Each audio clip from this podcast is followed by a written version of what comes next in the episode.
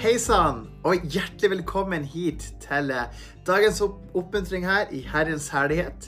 Mitt navn er jo Daniel, og jeg er glad for å ta deg med her på en eh, reise gjennom året med å lese i Skriften, bibelvers og ha andakt, og det å få lov til å søke Gud sammen. Fantastisk fint. I dag er det den 1. februar. Wow, det er en ny måned. Eh, Vi har hatt januar måned og gått gjennom Skriften der. Vi har gått gjennom første Mosebok, vi har gått gjennom Matteusevangeliet. Og nå driver vi på med andre Mosebok, og vi driver på med Markusevangeliet, så det er utrolig fint. Så vi tar litt kommentarer etter hvert, så det blir bra. Så ja, bare fest beltet klart og eh, nyt prosessen til session. Yes! Da skal vi ta dagens andakt her fra 1. februar. Den heter for Sett din lit til Gud. Jesaja 55, 9.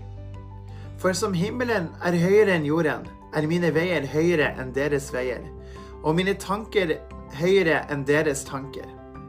Og dagens vers, ordspråkene 3, 5-7. Sett din lit til Herren av hele ditt hjerte, stol ikke på din egen forstand.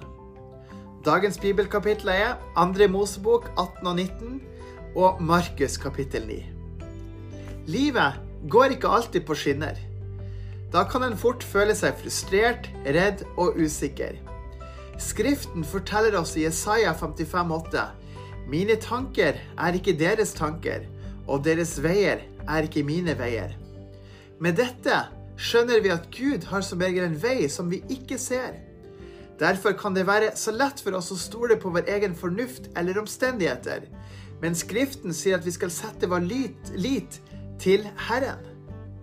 Å sette sin lit til Herren er å stole på Gud. Ofte vil det kreve tro, da siden du ikke ser i det synlige hvordan veien vil legge seg til rette. Men ved å legge sine fremtidsplaner og retning i Guds ledelse, kan du fort bli overrasket over velsignelsen som vil bli utgjort. Vi mennesker er så begrenset. Vi ser bare stykkevis.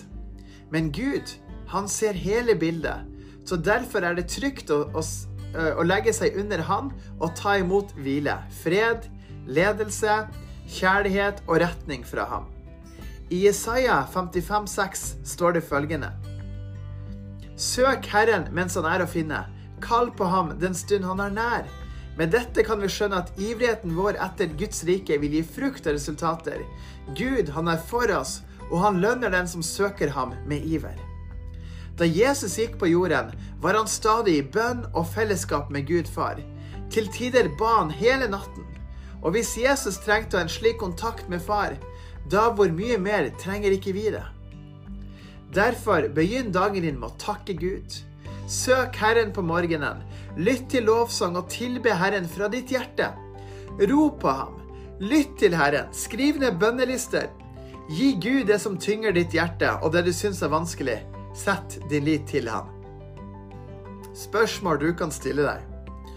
Hvorfor syns du det kan være så vanskelig å gi kontrollen over til Gud? Hva kan du gjøre for å sette din lit til Gud? Ord fra Herren. Ta det til deg som at Gud far taler til deg direkte.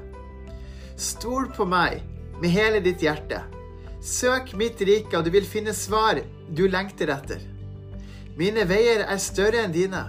Gå derfor på dem. Stol ikke på din egen forstand, men sett din fulle, hele lit til Herren, din Gud. Jeg er Herren som elsker deg. Jeg vet at du kjenner på usikkerhet og frykt, men vær ikke redd. Kom til meg med alt som er vanskelig, og jeg vil gi deg fred. Jeg leder deg på veien. Jeg gir deg innsikt på din vei, og jeg beskytter deg. Vær i bønn og søk min rettledning, og du vil få se hvordan jeg vil ta, ta deg fra seier til seier. Amen. Fantastisk bra. Yes, da har vi fått det lest her. Andakten for i dag om det å sette din, sin lit til Gud. Sett din lit til Gud. Og nå skal jeg bare ta noen minutter og kommentere det. Så det å sette sin lit til Gud, at du setter din lit til ham, er at du velger å stole på Gud mer enn det du forstår sjøl i sinnet ditt. Det vil si at du velger å stole mer på det Gud sier i Skriften, enn det nyhetene sier. At du velger på en måte å se mer på Jesus enn på omstendighetene rundt deg. Det kan rase rundt deg, det kan være krig rundt deg, det kan være tøft rundt deg. Men du vet at du er kobla på Jesus, du er kobla på Han. Hjertet ditt er kobla på Jesus, og på den måten så blir du ikke påvirka av det som skjer rundt deg direkte. Fordi at livet ditt utgår fra innsida. Det er her eh, livet vårt utgår. Det er fra hjertet vårt. Det er der det kommer fra. Så Derfor får vi lov til å sette vår lit til Gud. Vi får lov til å stole på han i situasjoner. Og det kan være valg du tar, det kan være framtidsplaner du har, det kan være dagliglivet ditt, det kan være uke til uke at du velger å stole på Gud. Sånn så jeg stoler på Gud mer enn jeg stoler på følelsene mine. Jeg kan føle meg sånn her opp, og så kan jeg føle meg ned, men jeg vet at jeg stoler på Gud, for det er Gud han har omsorg for meg, og jeg vet at hans veier er bedre enn mine veier. Jeg vet at han hans tanker for meg er større enn mine tanker for mitt liv og for det som er rundt meg. Så derfor velger jeg å stole på Gud.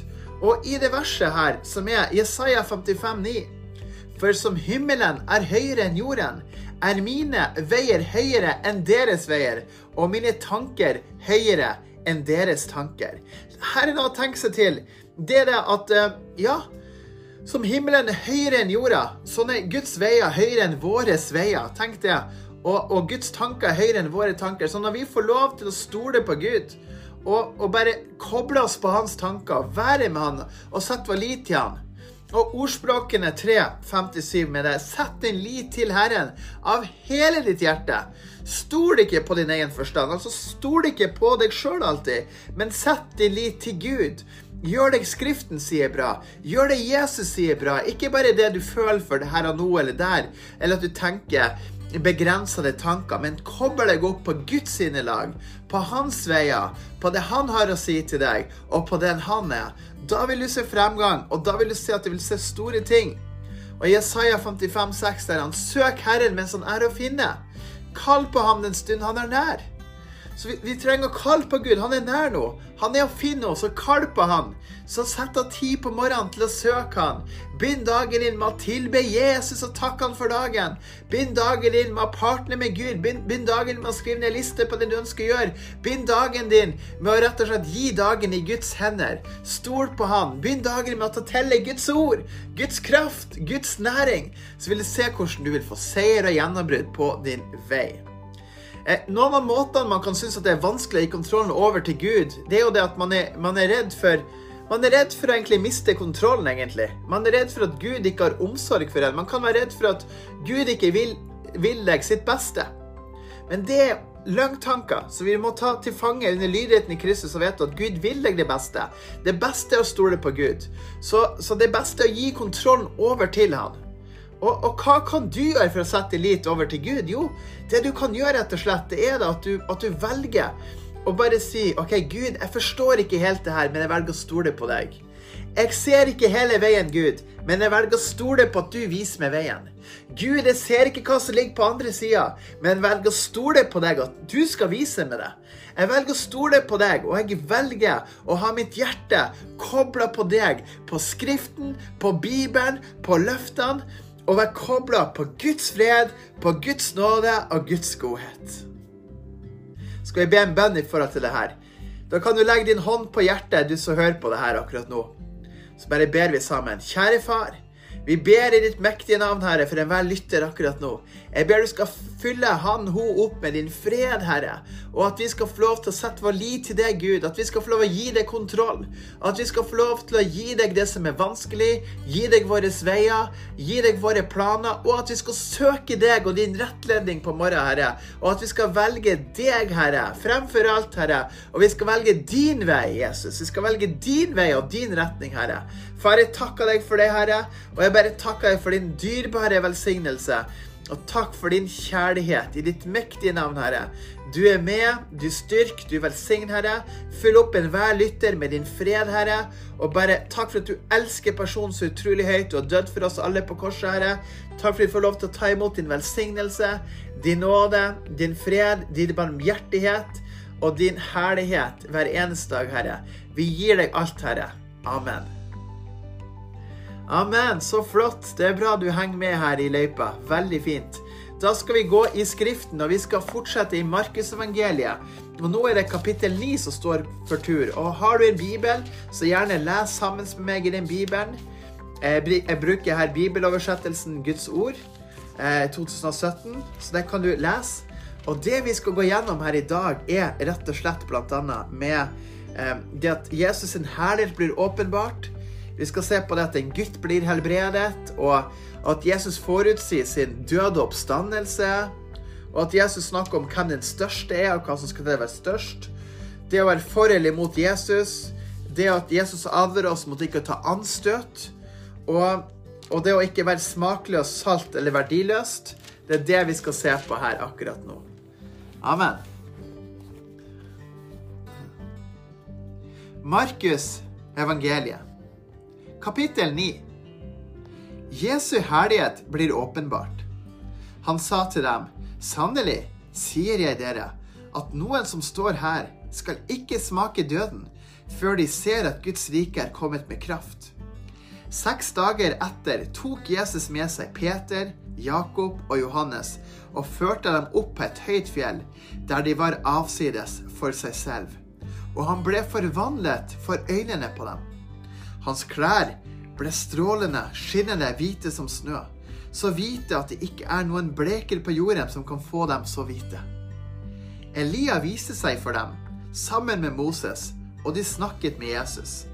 Da tok Peter til orde og sa til Jesus, Rabbi, det er godt at vi er her. La oss lage tre hytter, en til deg, en til Moses og en til Elia. Han visste nemlig ikke hva han skulle si, for de var svært redde. En sky kom og overskygget dem, og en røst lød ut fra skyen og sa, Dette er min sønn, den elskede, hør ham. I samme stund, da de hadde sett seg omkring, så de ikke lenger noen andre hos seg uten Jesus alene. Da de kom ned fra fjellet, påla han dem at de ikke skulle fortelle noen om det de hadde sett, før menneskesønnen hadde stått opp fra de døde. Så holdt de dette ordet for seg selv, og spurte hverandre hva oppstandelse fra de døde betyr. De spurte ham, hvorfor sier de skriftlærde at Elia må komme først? Da svarte han, sannelig, Elia kommer først og gjenoppretter alle ting. Og hvordan står det skrevet om menneskesønnen, at han skal lide mye og bli foraktet? Men jeg sier dere at også Elia er kommet, og de gjorde med ham alt det de ville, slik det er skrevet om ham. En gutt blir helbredet. Da han kom til disiplene, så han en stor folkemengde rundt dem, og noen skriftlærde som diskuterte med dem. Med det samme de så ham, ble hele folket svært forundret, og de løp mot ham og hilste ham. Han spurte de skriftlærde, hva er det dere diskuterer med dem? Da svarte en i flokken og sa, Mester, jeg tok med min sønn til deg, han har en stum ånd. Hvor som helst den griper tak i ham, kaster den ham ned. Han fråder om munnen, skjærer tenner og blir helt stiv. Derfor spurte jeg disiplene dine om de kunne drive den ut, men de klarte det ikke. Han svarte ham og sa, Du vantro slekt, hvor lenge skal jeg være hos dere? Hvor lenge skal jeg bære over med dere? Før ham til meg. Da førte de gutten til ham. Da ånden så ham, rev den straks i ham. Han falt til jorden og veltet seg, og fråden sto om munnen på ham. Så spurte Jesus hans far, hvor lenge har han hatt det slik? Han svarte, fra barnedommen. Og ofte har den kastet ham både i ild og i vann for å ødelegge ham.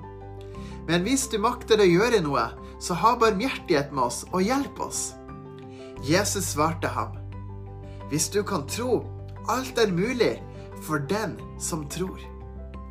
Barnets far satte straks i å rope og sa med tårer, Herre, jeg tror, hjelp min vantro. Da Jesus så at folket kom løpende og samlet seg, refset han den urene ånden og sa til den, døve og stumme ånd, jeg befaler deg, far ut av ham, og far ikke mer inn i ham. Da skrek ånden og rev kraftig i ham, og for ut av ham, og han ble som død, og mange sa, 'Han er død'. Men Jesus tok ham ved hånden og løftet han opp, og han reiste seg. Da han var kommet inn i huset, og de var alene, kom disiplene hans og spurte ham, 'Hvorfor kunne ikke vi drive den ut?' Han svarte dem, 'Dette slaget kan bare drives ut ved bønn og faste.' Jesus forutsier igjen sin død og oppstandelse. Så dro de derfra og reiste gjennom Galilea, og han ville ikke at noen skulle vite det. For han underviste disiplene sine og sa til dem, Menneskesønnen skal bli forrådt og overgitt i menneskers hender, og de skal slå ham i hjel, og etter at han er slått i hjel, skal han oppstå på den tredje dag. Men de forsto ikke denne uttalelsen, og de var redde for å spørre ham. Hvem er den største? Så kom han til Kapernaum, og mens han var i huset, spurte han dem. Hva var det dere snakket med hverandre om på veien? Men de ble stille, for på veien hadde de snakket med hverandre om hvem som var den største. Han satte seg, kalte på de tolv og sa til dem, hvis noen vil være den første, skal han være den siste av alle og alles tjener. Så tok han et lite barn og stilte det midt iblant dem. Da han hadde tatt barnet i armene sine, sa han til dem, Vær den som tar imot ett av disse småbarna i mitt navn, tar imot meg. Og hver den som tar imot meg, tar ikke bare imot meg, men ham som har utsendt meg. For eller imot Jesus. Johannes svarte ham, Mester, vi så en som ikke er i følge med oss, drive ut demoner i ditt navn, og vi forbød ham det siden han ikke er i følge med oss. Men Jesus sa, Forby ham det ikke, for ingen som gjør en kraftig gjerning i mitt navn, kan tale ondt om meg i neste øyeblikk. For den som ikke er imot oss, er for oss. For den som gir dere et glass vann å drikke i mitt navn, fordi dere tilhører Kristus, sannelig, sier jeg dere, han skal slett ikke miste sin lønn. Jesus advarer om anstøt. Men vær den som fører en av disse små som tror på meg, til fall. Det ville være bedre for han om en kvernestein ble hengt om halsen hans, og han ble kastet i havet. Hvis din hånd fører deg til fall, så hogg den av. Det er bedre for deg å gå vannfør inn til livet enn å ha to hender og komme til helvete, inn i ilden som aldri slokkes, hvor deres mark ikke dør, og ilden ikke slokkes. Hvis din fot fører deg til fall, så hogg den av. Det er bedre for deg å gå lam inn til livet enn å ha to føtter og bli kastet i helvete, inn i ilden som aldri skal slokkes, hvor deres mark ikke dør og ilden ikke slokkes. Og hvis ditt øye fører deg til fall, så riv den ut. Det er bedre for deg å gå enøyd inn i Guds rike enn å ha to øyne og bli kastet i helvetes ild, hvor deres mark ikke dør og ilden ikke slokkes. Smakløst salt er verdiløst. For enhver skal bli saltet med ild, og hvert offer skal saltes med salt. Salt er nyttig, men hvis saltet mister sin kraft, hvordan vil dere da salte det? Ha salt i dere selv, og hold fred med hverandre. Amen.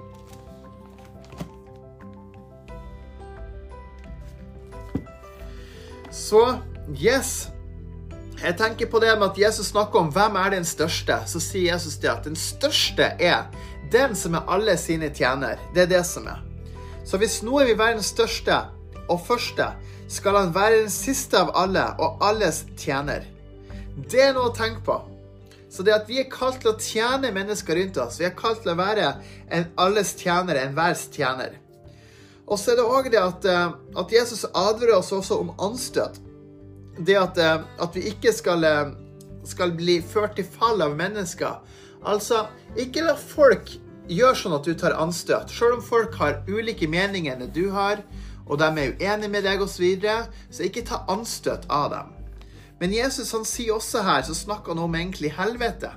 Og han snakker om det, at det er mye bedre å komme ikke sant, inn i livet når to hender har kommet til helvete. Inn i ilden som aldri skal slokkes, hvor deres mark ikke dør og ilden ikke slokkes. Så der at, at det er ild der, det er pinsel, det er forferdelig. Og dit vil man ikke. Og man ønsker ikke å komme dit på noe vis. Så i det hele så trenger vi å forstå at Gud, han vil oss det beste. Han ønsker å ta vare på oss. Han ser oss. Og det er så viktig at vi kjenner til ham, og at vi får lov til å erfare hans kjærlighet i hverdagen, hvor vi enn er. Og så er det veldig mektig det vi leste om her, at Jesus herlighet ble åpenbart. Plutselig så bare ble det åpenbart, og han ble hvitere enn snø. At det ikke fantes en så sterk hvitfarge som han var. Og, og at han sto der, liksom, og bare ble forvandla for dem.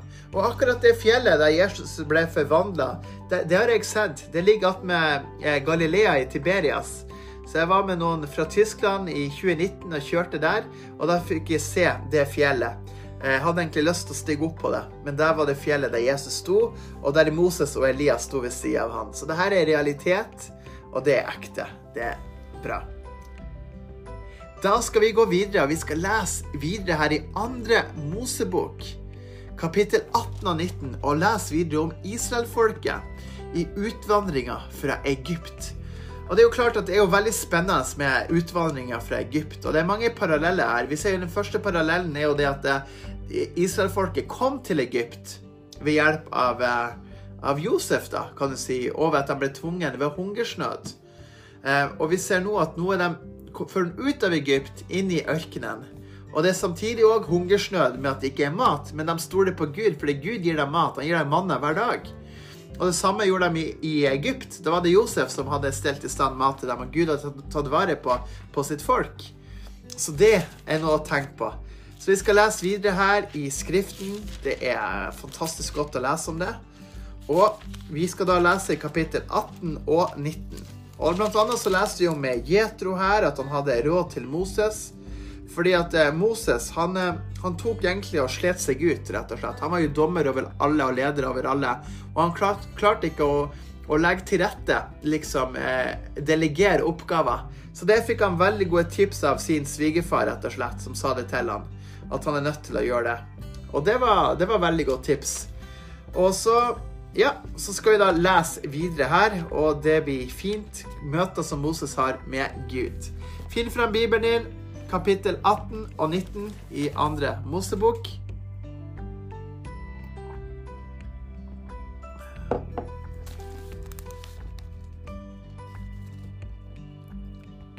Andre Mosebok, kapittel 18. Jetros råd. Jetro, presten i Midian, Moses' svigerfar, fikk høre om alt det Gud hadde gjort for Moses og for sitt folk Israel. At Herren hadde ført Israel ut av Egypt. Da tok Jetro, Moses' svigerfar, med seg Sippora, Moses' kone, som Moses hadde sendt tilbake. Han tok også med seg de to sønnene hennes. Den ene het Gershom, for Moses hadde sagt 'Jeg har vært innflytter i et fremmed land. Og den andre het Elieser, for han sa, min fars Gud var min hjelp og fridde meg ut fra faraos sverd. Sammen med Moses' sønner og kone kom Jetro, Moses' svigerfar, til ham i ørkenen, der han hadde slått leir ved Guds fjell. Han hadde sagt til Moses, Jeg, din svigerfar Jetro kommer til deg med din kone og de to sønnene hennes. Så gikk Moses ut for å møte sin svigerfar, og han falt på kne og kysset ham. De hilste hverandre med fred, og de gikk inn i teltet. Moses fortalte sin svigerfar om alt det Herren hadde gjort med farao og egypterne for Israels skyld, og om alt strevet de hadde hatt på veien, og hvordan Herren hadde fridd dem ut. Jetro gledet seg over alt det gode Herren hadde gjort for Israel, da han hadde fridd dem ut av egypternes hånd. Jetro sa, Lovet være Herren, som har fridd dere ut fra egypternes hånd og fra faraos hånd, og som har fridd folket ut fra å være under egypternes hånd. Nå innser jeg at Herren er større enn alle guder, bevist nettopp der fiendene viser seg hovmodige mot dem så tok Jetro, Moses' svigerfar, brennoffer og slakteoffer for å ofre dem til Gud. Aron kom med alle de eldste i Israel for å holde måltid sammen med Moses' svigerfar for Guds ansikt. Det skjedde neste dag at Moses satt for å skifte rett for folket. De sto foran Moses fra morgen til kveld. Da Moses' svigerfar så alt han gjorde for folket, sa han, Hva er det du gjør for dem? Hvorfor sitter du der alene mens all folket står foran deg fra morgen til kveld? Moses sa til sin svigerfar, fordi de kommer til meg for å rådspørre Gud. Når de har en vanskelig sak, kommer de til meg for at jeg skal dømme mellom den ene og den andre, og jeg gjør kjent Guds bud og hans lover. Da sa Moses svigerfar til ham, det du gjør er ikke klokt. Både du og dette folket som er sammen med deg, kommer til å bli helt utslitt for dette er altfor mye for deg. Du klarer ikke å gjøre det alene. Hør nå på hva jeg sier. Jeg skal gi deg råd, og Gud skal være med deg. Tre fram for Gud på folkets vegne, så du kan føre sakene fram for Gud. Du skal gi dem innføring i budene og lovene, og lære dem veien de må vandre, og arbeidet, arbeidet de må gjøre. Så skal du se deg ut noen dyktige menn blant all folket, noen som frykter Gud, sannferdige menn som hater grådighet. Disse skal du sette over dem som ledere over 1000, ledere over 100, ledere over 50 og ledere over 10. Disse skal avsi dommer for folket hele tiden. Skal, da skal det bli slik at de kommer til deg med alle de store sakene, men i alle de små sakene skal de selv dømme. Da vil det bli lettere for deg, for de skal bære byrden sammen med deg. Hvis du gjør dette, og Gud befaler deg å gjøre det, da skal du klare å holde ut. Og alt dette folket kan da komme hjem i fred. Moses hørte på hva svigerfaren sa, og gjorde alt det han hadde sagt. Moses valgte ut dyktige menn fra hele Israel og gjorde dem til overhoder for folket. Leder over 1000, leder over 100, ledere over 50 og ledere over 10. Så avsa de dommer for folket hele tiden. De vanskelige sakene overlot de til Moses, men selv dømte de alle de små sakene. Så lot Moses svigerfaren fare, og han dro tilbake til sitt eget land.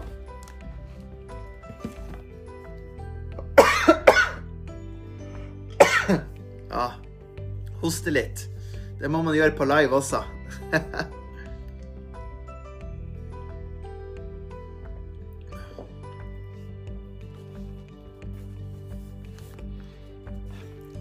Kapittel 19 Israel ved Sinai-fjellet. I den tredje måneden etter at Israels barn hadde dratt ut fra landet Egypt, på den samme dagen kom de til Sinai-ørkenen. For de hadde forlatt Refidim og hadde kommet til Sinai-ørkenen og slått leir i ørkenen. Israel slo leir der foran fjellet. Moses gikk opp til Gud, og Herren kalte på ham fra fjellet og sa:" Dette skal du si til Jakobs hus og forkynne for Israels barn.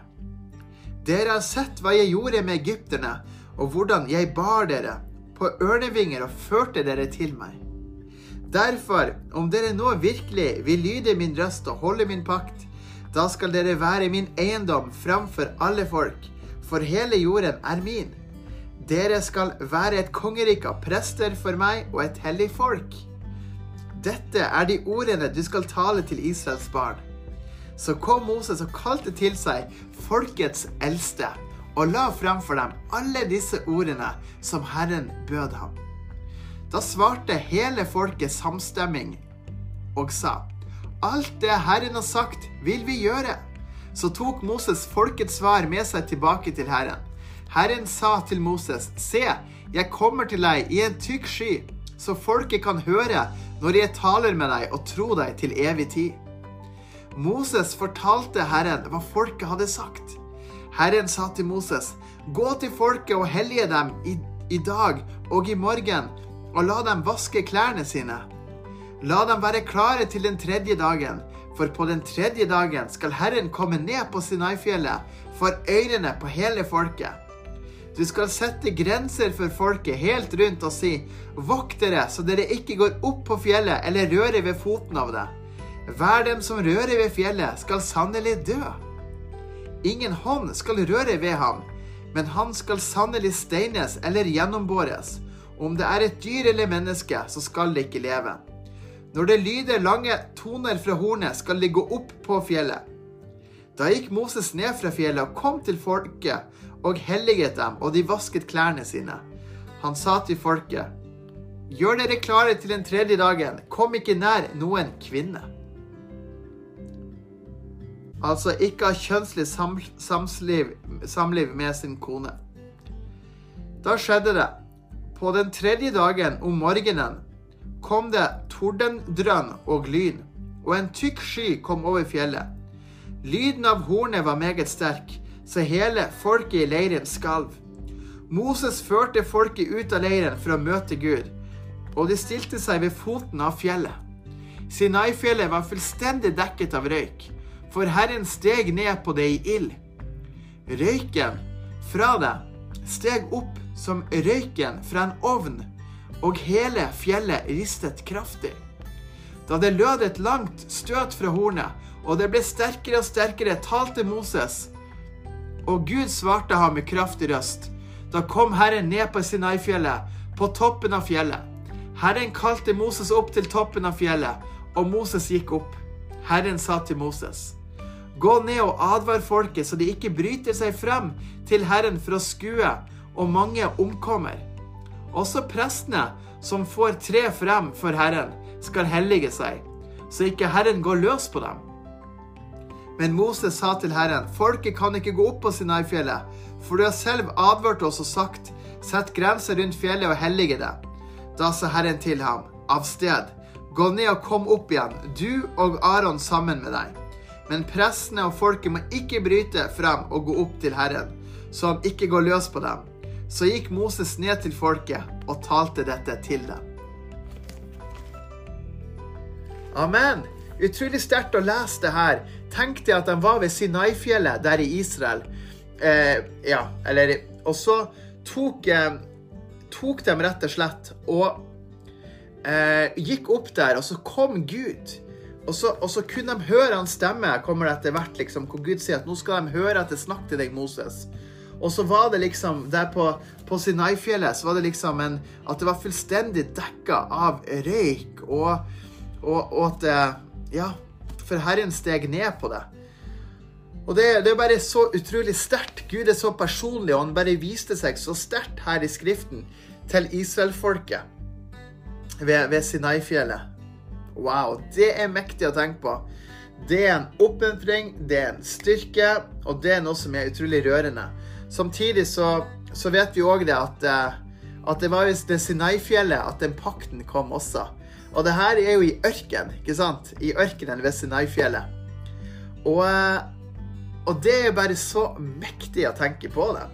Og så ser vi òg det at eh, Jetro, svigerfaren til Moses, han sa til Moses du kan ikke sitte her og dømme hele tida liksom, og skal være sjef for alle hele tida. Og sitte der og ha rettssaker fra morgen til kveld, og folk kommer til deg og, og liksom om, om, Det var liksom sikkert Jeg vet ikke hva det var for noe. Kanskje det var noen hadde tatt noen manner som var mitt, og hva skal jeg gjøre med det? Eller at det var krangling i familier. Man vet ikke. Israelfolket var over 600 000 mennesker. Hallo, det er helt vilt. Og det er jo klart at det ble jo veldig slitsomt for Moses. Og da sa jo svigerfaren til ham det her går ikke. Du kommer til å bli helt utslitt, både du og folket. Men det du skal gjøre, er at du skal trene opp ledere, eller ta for deg ledere, og la dem få lov, de du stoler på, til å, til, å, til å, ha myndighet til å være dommer over saker.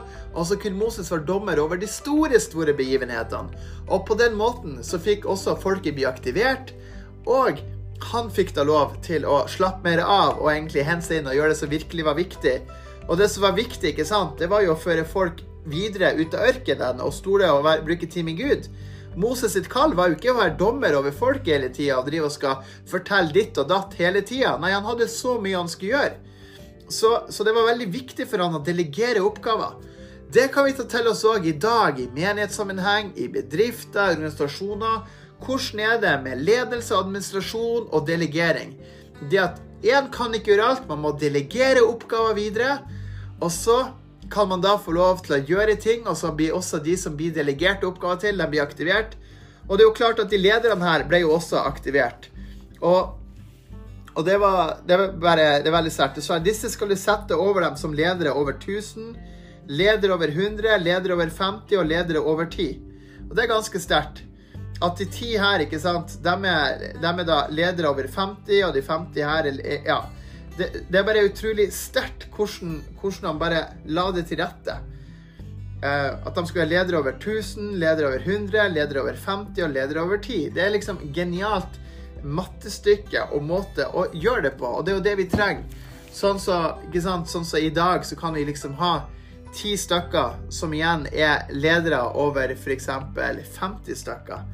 Så, så, det er noe med det her å bare kunne delegere oppgaver videre som er en nøkkel for administrasjon og ledelse. Og det er jo klart at hele hele israelfolket betegna seg som en menighet, og det var menighet. Og det var klart Moses han var jo både profet og pastor og hyrde og hele pakken. Så det er jo klart at da var det ganske mye å gjøre, og da var det veldig viktig å aktivere andre, sånn at eh, man får lov til å delegere videre det som er. Yes, så det var tankene mine i forhold til det. Da sier jeg takk for at du har fulgt med på livestream her. Må Gud velsigne deg rikelig. Takk for at du er med, og takk for at du er med og heier på tjenesten. Takk for at du støtter organisasjonen Kingdom Lifestyle, som jeg står i. Takk for det. Og, og gjerne følg med og sjekk ut på Gå inn på kingdomlifestyle.org.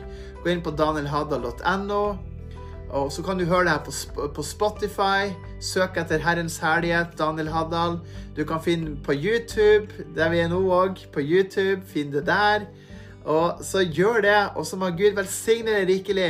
Og så vil jeg sette pris på hvis du har lyst til å dele denne sendinga her med andre, så har det vært kjempefint. Så Gud velsigne deg rikelig. Han elsker deg utrolig høyt. Du er fantastisk. Jesus ser deg. Du betyr masse. Og jeg setter veldig pris på deg. Så tusen takk for at du har vært med her i dag. Ha en fantastisk dag videre. Ha det godt.